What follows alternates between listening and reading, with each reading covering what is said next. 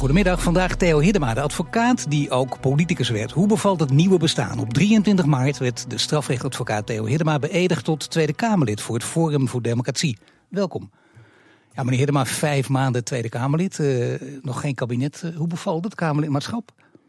Ja, dat is de vraag die wordt mij vaak gesteld. Serieus? Uh, dan denk je, nou, hoe, hoe bevalt het? Je hebt nog weinig mogelijkheid gehad om het hele ambt te doorgronden. Ja. En alles wat op je af kan komen in een volwaardige betrekking als Kamerlid, tot je te nemen en je eigen expertise en talenten daarop los te laten. Want wat, wat er is te weinig krachtvoer wat op je afkomt, want er gebeurt niks. Nee, er gebeurt niks. Nee. Het duurt veel te lang ook. Ja, uh, je zou initiatiefwetsontwerpen kunnen indienen. Daar heb ik de hele dag de tijd voor. Als je een beetje inventief bent en je ziet gade hoe het tot nu toe functioneert. Wat had u graag gedaan dan? Oh, er zijn zoveel... Uh, maar pik er eens uh, vijf uit. Nee, doe er maar eentje. Maar nee, doe er maar eentje. Nou, uh, je kunt een heleboel. Uh, je moet Nederland niet aantrekkelijker maken dan het toch al is voor asielfraudeurs. En hoe doe je dat? Daar kun je met de wet in de hand een heleboel aan doen. We hebben nu weer een Finse meneer. Die blijkt ook rondhoppend Marokkaan te zijn. Maar dat zijn ze allemaal. En, uh, ze lopen dus een keer tegen de lamp en dan, dan, zie je terug op een verleden. Wat wemelt van strafrechtelijke incidenten die je met het wetboek van strafrecht in de hand uh, op zijn los had kunnen laten en ze in had kunnen sluiten. En er was eind gekomen dat gehop. Want ze shoppen nu van het land waar het het meeste op dat moment voordeel biedt, het verblijf. Dat gaat nu zonder deze wet, gaat het gewoon maar door? Dat gaat gewoon door. En wat betekent dat? Nou, wat dat betekent is dat u morgen van alles kan gebeuren... en hier in deze stad van alles kan gebeuren... omdat het volstrekt ondoorzichtig is wie hier rondlopen. Dan zou je nog een tweede, tweede... In Amsterdam heb je al zeker 10.000, maar het is ook nog maar een schatting... maar zeker wel 10.000 illegale waar je totaal geen zicht op is. Maar dan zou je nog een tweede wet uh, kunnen invoeren. Bijvoorbeeld een wet uh, om ons beter te beveiligen. In Amsterdam nou, ook een discussie, als we het toch over die stad nou, hebben. Goed, over dat, bijvoorbeeld de Kalverstraat. Dan moet je paaltjes ja, neerzetten. Is dat een goed idee? Nou ja, goed. Als, je, als er wat gebeurt en er stonden geen paaltjes... dan hebben de autoriteiten een probleem. Maar als degene die per se een bloedbad wil aanrichten in de Kalverstraat... rekening houdt met die, dat, dat, dat er een paaltje staat... dan loopt hij daaromheen. En dan laat hij midden in de Kalverstraat zijn, zijn bomgordel ploffen. Of, of ja, hij, neemt gif mee. Dus het is van alles mogelijk. Maar intussen probeert u maar ideeën. U heeft het ene idee naar het andere, maar u kunt er niks mee doen. Want het kabinet, dat komt er maar niet. Uh, wat vindt u eigenlijk als u kijkt van een zekere afstand... wat er nu gebeurt, wat er aan de hand is? Wat vindt u daarvan? Nou, dat vind ik uh, ten voordele van onze partij. Want wat wij nu aanschouwen, dat is dat als een regering komt dan heeft dat maandenlang geduurd. En in de maandenlang hebben ze zitten hakken en schaven op hun eigen verkiezingsprogramma's, iedere partij voor zich. Waar ze kiezers mee hebben gelokt. Dus ze zijn stuk voor stuk aan het inleveren ten gunste van ja, een coalitie. Nou, hoe langer dat duurt, hoe groter ja, het het uh, kiezersbedrog. Nee, maar je wordt ook heel ongeduldig van die politiek. Daarom zou ja, een van de redenen voor mij om de politiek nou, in te gaan. Ik, ik, ik word er helemaal niet ongeduldig van. Want ons, onze partij, het Forum, staat dus voor directe democratie, zoals u weet. En de, ja, de verkiezingsitems in de volle omvang in de Kamer. Nou, wat je nu gebeurt, dat is dat die items die, die er waren tijdens de verkiezingen... die zijn nu in deze onderhandelingen helemaal ja, uitgeruild of afgezaagd of afgeknepen...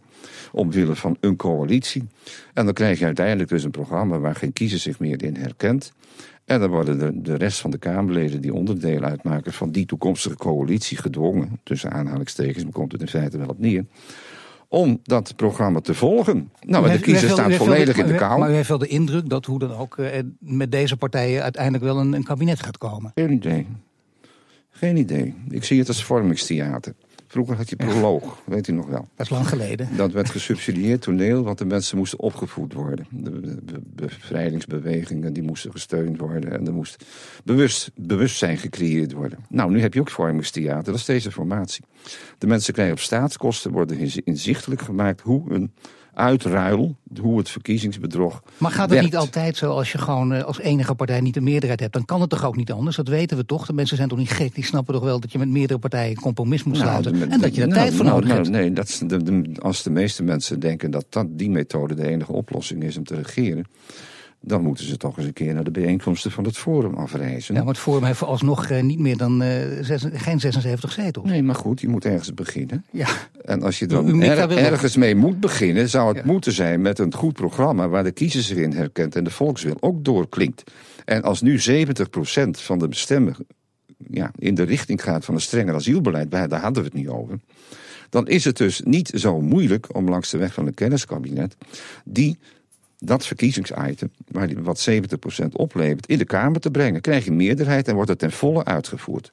Eenzelfde punt kan GroenLinks ook winst opleveren. Als er iets is aangaande het milieu waar GroenLinks ja, een Kamermeerderheid voor vindt, dan krijgt hij zijn zin. Zo kweek, zo je verdraagzaamheid. Maar wordt gewoon het programma ten, in de volle breedte, hè, wat het voorgestelde maatregel, en ook de verkiezingsbelofte dus, die een meerderheid kan opleveren, in de volle breedte, niet uitgeruild, niet afgehaagd, niet afgeschaft, in de Kamer gebracht. En dan krijgt het een meerderheid. Dat is democratie. Ja, de mensen, de mensen zien het niet, meneer maar, maar u staat en dat levert nog meer energie op. Hè? En u heeft een zin nou dat blijkt ook gewoon. Nou ja, alles. dat blijkt ook Lekker reces ook gehad. Nou ja, wij gaan, nee, wij hebben geen reces. Wij oh. zijn bezig met de partijen uitbouwen. We gaan zo iedere week wel het land door. En wie zijn wij? Tours, u en Thierry. Ja, Thierry, ik en ook de anderen. Ja. Gaat dat nog steeds goed, jullie met z'n tweeën? Ja, geen klacht. Nou, omdat u in interviews wel eens zei uh, wat nare dingen over hem. Hij heeft natuurlijk ook een bepaald karakter. Nee, hij, u over hem. Dus nou, je, nare je hebt dingen? Niet, niet nee hoor, ik, uh, nee, nee, nee. Ik vind het een zeer sprankelende persoonlijkheid. Ik vind uh, aanschouwen met een zekere aandoenlijkheid, moet ik u wel zeggen. Bewonderend ten zeerste. Maar van waar die aandoenlijkheid? Dat enthousiasme, die bevlogenheid, die, die onweerstaanbare drive, dag in dag uit opnieuw. En dat met een hele vrolijke glimlach. Ja. Nou, dat is in de politiek nog zelden zo vertoond. Dus en dan, als ik naast een stofnest zou zitten. Of dat je kleine irritaties krijgt op de vierkante meter. Want je zit met z'n tweeën dag in dag uit. Er kan van alles opspelen. Ik noem maar slecht adem. Puist in je nek die steeds groter wordt. Je weet het maar nooit. Nee. Toch? Nou, al die kwesties spelen geen enkele rol. wat vindt u, enkele... bij de, van de rest van de Kamer? Want u heeft nu wat meer kennis met ze kunnen maken in de loop der maanden. Wat, wat vindt u van het niveau van de Kamerleden? Dat vraagt men mij ook altijd. En dan bijt ik mijn tong af. Want ik heb geen zin om daar te expliciet ja, maar te worden. niet het type dat ze de tong Nee, maar ik, zeker niet in deze omstandigheden. Omdat er nog zo weinig momenten zijn geweest... dat ik echt in debat met andere Kamerleden... Hè, op Mhm. inhoudelijke punten die ertoe doen... eens even de degens kan kruisen. Want dat kan niet, want alles is controversieel verklaard... waar ik me over zou op kunnen winden dan vind ik het nu niet uh, het moment om nu al te zeggen het dat, chic. dat het gebleken niveau in de debatten die ik heb meegemaakt van die aard is dat ik maar daar in een beetje negatieve zin zou moeten uiten. Doe ik nog maar niet. wat denkt u? Want u praat natuurlijk met Kamerleden, neem ik aan, of niet buiten de wel eens. Uh, nou, dat valt wel mee. Uh, ik praat over koetjes en kalfjes. En, moet niet denken dat er een hoge staatsbelangen in een ontmoeting met een toevallige ontmoeting met een Kamerlid en mij dan onmiddellijk de revue passeren. Stel nu dat, uh, dat dit mislukt, dat kan hè, met deze partijen die nu proberen in deze formatie die al behoorlijk lang duurt om, om ergens toe te komen. Stel dat het mislukt, uh, komt dan uw partij ook in beeld of niet? Ik hoop dat ze nieuwe verkiezingen gaan uitschrijven. Ja. Want wij zijn zo verschrikkelijk van het groeien. Dat moet verzilverd worden. Ja, dat is het moment voor u ook ja, om toe te slaan. Nee, dat is ook het moment dat de kiezers zin zich kunnen uitleven. En wat zou u dan willen? Dat, Wat- kijk, want dan, dan, krijg je dus, dan krijg je misschien minister Hiddema. Dat is dan de volgende stap. Heel kort Kamerlidmaatschap Ehm, en dan opeens minister van Justitie bijvoorbeeld. Nou ja, moet, moet, moet ik zeggen dat ik zo bescheiden behoor te zijn. Dat ik tot het inzicht ben geraakt dat mijn voorgangers tot nu toe het zoveel beter hebben gedaan dan ik ooit zou kunnen. Dat lijkt me niet. U ziet het in uw eigen partijprogramma ook. Hè? De, de, de- er staat letterlijk in het pro- programma. eh, je hebt een sterke, hele sterke minister op, eh, juist op justitie nodig. Dat blijkt ook een hele lastige post te zijn. Zou u het aankunnen? Nou, ik, eh, eens kijken wat ik aantref. Want eh, wat er de laatste jaren onder het regime van de VVD is gebeurd, dat het hele departement is ten val gebracht. Uit, eh, ja, uit, uitgemest wil ik niet zeggen, maar op de vlucht geslagen. Zonder enige verantwoording af te leggen. Maar het is weg. Ja. Nou, dan kom je Moet van onderaf aan opgebouwd worden? Geen idee. ik weet niet wat ik zou aantreffen. Wat ik nu zichtbaar aantref is dat de, de politie, die verdient een, ja, laat ik zeggen, eh, ja, een parlementaire enquête bijna. Daar Waarom? Is, omdat er zoveel mis is in de opsporingspercentages, in de ICT's, bij het, eh, het landenkorps in oprichting. Men procedeert elkaar de tent uit. Dat je wel eens even moet inventariseren wat er allemaal mis is gelopen. En in hoeverre de vorige bewindslieden, ons voor de gek hebben gehouden met hun propagandistische praatjes. Want we zijn met de neus genomen door de heren Opstelt en Co. Ja, Dus maar, waar- klomp. ja, maar dat betekent dus, zo klaar is een klomp, maar wel een parlementaire enquêtecommissie die een paar jaar mag duren. Ook eh, flinke inzet, flink wat middelen ook. Ja, om echt meest- onze me- stem ja, precies. Ja, natuurlijk. Onder Ede horen wat, wat er allemaal mis is op de werkvloer. Maar dan wil je dat ook officieel natuurlijk neerleggen. Niet zomaar even als een losse vlot er even een Nee, maar ik kom nu bij, als, op deze losse vlot, omdat ik met u hier in deze studio op dit Dus ik heb item... die losse vlotten, die heb ik u nu ontlokt, anders was u er nooit over ik, begonnen. kan, ik kan nu niet in dit stadium van de formatie zeggen... hé, hey, denk eens aan- even aan de parlementaire, par- parlementaire enquête. Die Nee, maar dat zou natuurlijk wel een, een volgende en een heel belangrijk punt voor u kunnen zijn. Ja, maar daar fors op in te Ja, gaan nou, zetten. precies. Nee, maar u ging ervan uit dat ik als minister van Justitie... Hè, dat- dan kan ik heel goed begrijpen dat die gedachte bij u opkomt... eh, voor concreet beleid al zou voorstaan. Nou ja, ik was ook benieuwd of u dat ook- zou dan, moet, dat dan moet je eerst inventariseren. En het zou kunnen zijn dat de puinhoop die je dan aantreft... en dan moet je wel doorvragen, doorboren... en mensen van de werkvloer tot je laten komen. Zeker. En niet alleen hoge ambtelijke piefjes die hun eigen belangen hebben. En als dat zo onrustbarend is... Nou, dan zou ik als minister dan ook alle details en alle, ja, alle lijken in de kast wel naar buiten willen brengen. Ja. En dan zou het kunnen zijn dat er parlementaire enquête nodig is. We hebben vaker parlementaire enquêtes, maar dat is als alles al misgelopen is. En nu zitten we, hebben een traject in werking gezet waardoor het nog misser kan lopen dan het nu al loopt. Maar dan Dus we doe de- het nu maar. we gaan er wel vanuit dat u dan minister bent. Dan denk ik ook, kunt u dat dan combineren? Bijvoorbeeld met, eh, want u denkt toch al iets vooruit, ook door dit gesprek natuurlijk. En zou u dat kunnen combineren met uw eh, functie als advocaat? Nee, dat niet meer, want dat, Dat is, geen, niet. dat is natuurlijk geen Maar dat vindt u het allerleukste, dat blijft u maar roepen. Dat Ja, is dat gewoon is heerlijk zo. voor je ego ook Ja, goed. maar ik, ik, wil u, want u, u, u, u begint helemaal te glimmen bij de gedachte dat ik in de positie van, van minister van Justitie Nee, ik zou altijd, geraken. hoor. Nee, ik glim dus ik denk, ik praat Ik met meneer van Lient mee. Eh, nou, als u dat naar de hele uitzending blijft doen, dan, dan Ja, nou, nog meer glimmen, denk ik. Ja, ik, nou, kan, zijn. Maar nee, dat is eh het volstragen tot mislukken gedoemde combinatie. Maar het kan wel, Kamerlidmaatschap en strafrechtadvocaat, heeft u nu gemerkt, kan wel samengaan. Het kan, maar je moet oppassen wat voor zaak je doet. Dus een crimineel vrijpleiten, dat, dat, is, dat, dat is, dat is een heel individueel geval. Een crimineel vrijpleiten, die blijkt onschuldig te zijn. Dat is een daad van menselijkheid en rechtvaardigheid. En dat, kan ik ook als Maar politicus iemand van u weet, het is een moordenaar en ik moet hem verdedigen, want ik ben strafrechtadvocaat, dat doe ik ook, dat is uw vak. En eh, tegelijkertijd bent u ook volksvertegenwoordiger en dan zegt u, nou, dat is geen probleem, dat kan heel goed samengaan. Nou, kijk, iedere politieke partij, allemaal, stuk voor stuk, niemand zal dat tegenspreken, is ervoor dat er gerechtigheid plaatsvindt. In de rechtszaal zeker. Nou, als ik nou als advocaat en politicus op eigen kracht, op een echte werkvloer, zorg voor die gerechtigheid. Wat wil je nog meer? Straks, welke onderwerpen moeten er volgens Kamerlid Hiddema per se op de agenda komen? Het is nog even wachten tot er weer een nieuw kabinet geïnstalleerd is. En misschien wel een mooi moment voor mijn gast Theo Hiddema om met eigen initiatieven te komen. Nou, hij popelt, heeft hij laten blijken. Hij wil heel veel initiatieven ontplooien, maar dat kan allemaal nog niet. Hij heeft wel veel in zijn hoofd zitten. Bijvoorbeeld als het gaat over de wapenvergunning. Moet daar ook snel iets aan gebeuren? Bijvoorbeeld op de wapenvergunning. Nee, er hoeft niks aan te veranderd te worden. Dat je iets makkelijker aan een wapen kan komen, bijvoorbeeld. Nee, dat moet niet makkelijker kunnen. Je Nee? moet, nou, dat, dat, dat is prima geregeld. Je kan nu een wapenvergunning krijgen. Je, eh, laat je psychologisch testen, dat moet. En medisch eh, word je onder de loep genomen. Je strafverleden wordt nagekeken. En dat dat allemaal eh, nou, op orde is. Dan moet je lid worden van een schietvereniging. En dan moet je een anderhalf jaar lang zoiets. En dan word ik Om twee, vervolgens- drie weken trainen. Ja. Nou, wat moet je nog meer? Nou, wat je meer zou willen is dan, dan heb ik zo'n wapen en heb ik een vergunning. Mhm. En dan word ik eh, overvallen door een inbreker en gewelddadig, hè, op een gewelddadige manier. Ja. Dan zou ik me dus willen kunnen verdedigen. En wat gebeurt er dan vervolgens als ik een, als ik een advocaat inhuur? Nou, als u eh, wordt overvallen door iemand met een schroevendraaier, ik noem maar wat. Ja. En eh, u gaat onmiddellijk met een Kalashnikov, waar u vergunning voor heeft, tekeer. Dan denk ik dat u problemen krijgt met de rechter. Ja. Maar dat is natuurlijk illusoor, want u wordt vandaag de dag overvallen. Altijd door iemand met een vuurwapen. En dit, een illegaal vuurwapen. En dan is het prettig als je onder die omstandigheden, degene die je te lijf wil gaan met dat wapen, voor kunt zijn, doeltreffend, als geoefend schutter. Zonder dat je gestraft wordt achteraf. Natuurlijk, dat is pure noodweer. En wat zou je daarvoor moeten veranderen? Dat het echt voor altijd in alle Dat hoeft situaties ook niet, want dat, dat, dat, dat is ook al lang bij wet en jurisprudentie goed geregeld. U kent die, dat geval in Deurne van die juwelier. Ja. Die werd overvallen door twee Marokkanen met twee pistolen. En die had uh, een kordate vrouw. Die vanuit het keukendeurtje alles volgde binnen. En die zag wat, wat haar man overkwam. En die heeft die twee heren neergeschoten. Nou, noodweer. Word je niet vervolgd. Nu zijn er meer zaken die spelen. Bijvoorbeeld op het gebied van defensie. Dat hebt u ook in uw portefeuille, defensie. Ja. De dienstplicht, hebt u zelf een dienst gezeten of niet? Ja, zeker heb ik een dienst gezeten. Met plezier ook? Nou ja, tegen heug en meug, maar ik heb er ter plekke het beste van gemaakt. ik had een anti-autoritaire opvoeding achter de rug, maar daar zorgde ik zelf voor hoor, laat ik het zo zeggen. Uh, Anti-autoritair bent u nog steeds toch?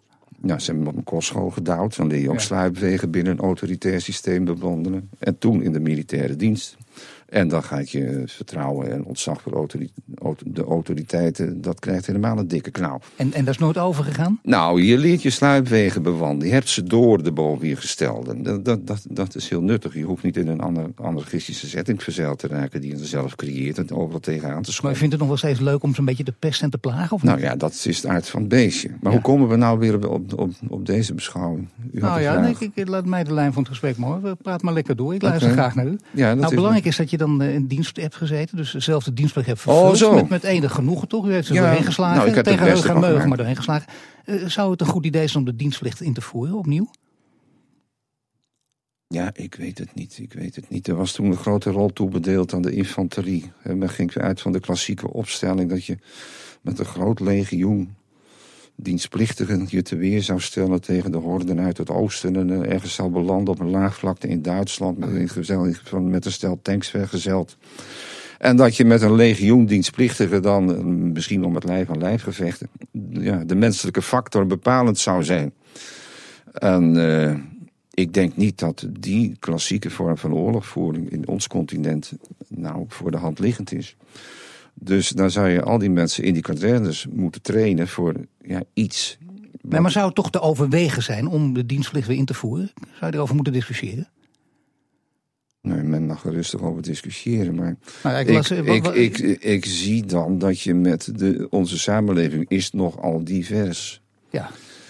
En men gaat ervan uit dat als je nou mensen uit kwetsbare groepingen, groeperingen die nu nogal wat hinder en ongedisciplineerd gedrag vertonen en met strafblaadjes uh, opgeschreven zitten, wellicht in het gareel kan krijgen door ze allemaal onder, onder regime van een sergeant en tot en met een kolonel aan toe in de kazerne op te sluiten, want dan komt het op neer. Dan is het, dan is het overwegen. Dan heb je wel een heel andere populatie binnen je kazerne dan in de tijd dat ik in dienst moest. Hè. Natuurlijk, maar valt het dan juist dus wel, ik denk dat dat een smeltkroes zou worden van, van gewelddadigheid, drugshandel uh, en ellende. Ja. Ik denk niet dat dat de gevechtskracht van de natie. Uh... maar ik vind het toch aardig dat u, dat u hier redelijk eh, nu ook op de radio over nadenkt. Want in uw eigen partijprogramma staat het gewoon heel duidelijk: hè? dienstplicht niet invoeren. Nee, ik denk. Maar dat daar interesseert u helemaal niks dat het erin staat. Ik, ik, denk dat je de morele statuur van ja, de krijgsmacht. meneer, meneer, maar even, denkt u van dat hele partijprogramma? Ik geloof het wel. Ik heb het voor de uitzending weer gelezen, maar u hebt u het zelf gelezen of niet? Uh, het is wel prettig dat als je de, hè, het boegbeeld bent van de partij in de buitendienst en je moet stad en land afreizen en je zit in allemaal volle zaaltjes en je wordt overladen met vragen vanuit de zaal, dat je dan iets kunt zeggen in de trant van ik ben ook bekend met mijn eigen verkiezingsprogramma. Maar dat lijkt me wel handig. U bent een vrije geest, u houdt niet van die fractiediscipline, dat heeft u al een paar keer ook gezegd. Dus dan zou ik denken, ja kom op, hier de maar zal boven de partij verheven of niet? Ik ben niet boven de partij verheven. Bent u wel een keer gecorrigeerd, ook door, door, door uw partijleider? Ik, ik, ben altijd uh, onafhankelijk geweest, omdat ik zelf gestald heb gegeven op mijn manier aan mijn eigen bedrijf. En dus mijn eigen bedrijfsvoering ook kon inrichten zoals ik dat wil. Maar dit is heel wat anders, want ik ben nu op een rijdende wagen gestapt. En die is ingericht om mensen die al jarenlang mijn zielenzadigheid in dit project hebben gestopt. Maar bent u wel een keer... En dan wil ik niet als ik als eigenwijze snotneus op die kar beland zijnde... ik heb het vertrouwen gewonnen van ze, ik mag in de kamer zitten voor ze... dan ga ik daar niet mijn oude hebbelijkheidjes helemaal laten etaleren op punten van... ik ben er ook nog in, uh, richt me maar naar mij. En dat is ook nog nooit gebeurd. nee, natuurlijk, maar je neemt wel je eigen karakter met je mee... dus het is nog niet gebeurd dat de partijleider u heeft moeten corrigeren. Nee, het omgekeerde wel. Hoe dan? nou, hij, hij, eh, hij vertoont een zekere mate van onstuimigheid, enthousiasme. En, oh beter nu dan morgen. Nou, op dat soort uh, momenten kan het zijn dat je een, temporiserend element met argumenten. Maar mag ik even weten, hoe doet u dat? Eh, pakt u hem even bij zijn kraag en zegt: jongen, luister even. Nou, ik moet ook vaak om hem lachen, want ik geniet ervan. ik zeg u, ik, ik aanschouw hem met aandoening ik, en, en bewondering. En Ik ben trots dat ik uh, bij zijn partij behoor. Dus op mijn manier bewaak ik dan ook, vind ik, naar dus mijn maatstaven gemeten, dat hij niet uit de bocht vliegt. Dat doet hij niet. Maar ik vind het wel prettig om een beetje te treiteren wat, wat u zegt. Een beetje relativering in zijn richting stuurt. Had pas een heel groot uh, tweegesprek met, uh, met uw confrère de heer Spong, Gerard Spong. Een mooi gesprek, leuk gesprek, veel te lachen ook in dat gesprek. Ook een aantal serieuze dingen. Bijvoorbeeld uh, artikel 137d uit het wetboek van strafrecht kwam er nog aan. En toen ging het over, over, weer over haatzaaien en ook over Thierry Baudet. En toen zei Gerard Spong, zonder het woord te noemen, hij zegt... hij noemde niet het woord haatzaaien, maar hij zei wel... Wat Baudet doet, dat is wel bevolkingsgroepen tegen elkaar opzetten. En nu lachte dat onmiddellijk weg. Nee, ik, ik vind dat ridicuul. Uh, Baudet heeft nog nooit, en ik heb hem nou al van daarbij enige tijd aanschouwd en aanhoord, gezegd dat wij ja, vanuit onze optiek ja, andere mensen die daar diametraal tegenover ons, hè, tegenover ons staan, zouden moeten haten. Of uh, sancties op hen los moeten laten. Of korten in hun rechten. Maar u kent Spong zo lang, waarom denkt hij dat Onze theorie van die, die mensen die ze meer verbaal gewelddadig tegen ons keren dan wij in hun richting, die wensen wij te negeren. Dus van onze zijde hoeft niemand van enige haat, haatsvolle reactie eh, vrees te hebben. Want die is het, niet. Hoe kan het dan dat iemand als Spong, die u heel goed kent, eh, dat hij dit toch suggereert? Ja, die heeft zich daar helemaal in vastgebeten. En die is kennelijk, die ziet de ap apocalypsis. Als er uit rechtse hoek uh, mensen opstomen met, met politieke aspiratie, dan wordt Spong daar schichtig van. U probeerde hem wel te verleiden uh, lid te worden van uw partij, maar dat is niet gelukt, ook niet na afloop van het gesprek, of wel? Nee, maar hoop doet leven na afloop van dit gesprek. Dat moet hij zelf ook nog verwerken. Nee, maar hij, hij, hij bedoelt het niet beroerd hoor. Maar hij maakt een grote misvatting. Hij, hij aanschouwt Wilders of ons.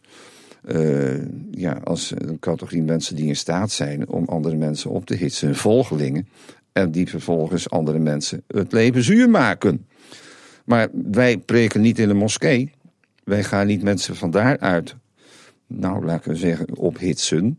Dat doen wij niet, want dan moet je zandzakken voor de deur hebben als die categorie mensen worden opgehitst. Onze volgelingen doen dit niet. Die zijn niet voor ja, haatvatbaar. Die laten zich niet ophitsen. Dus Spong heeft een hele andere categorie mensen wellicht op het oog dan wij.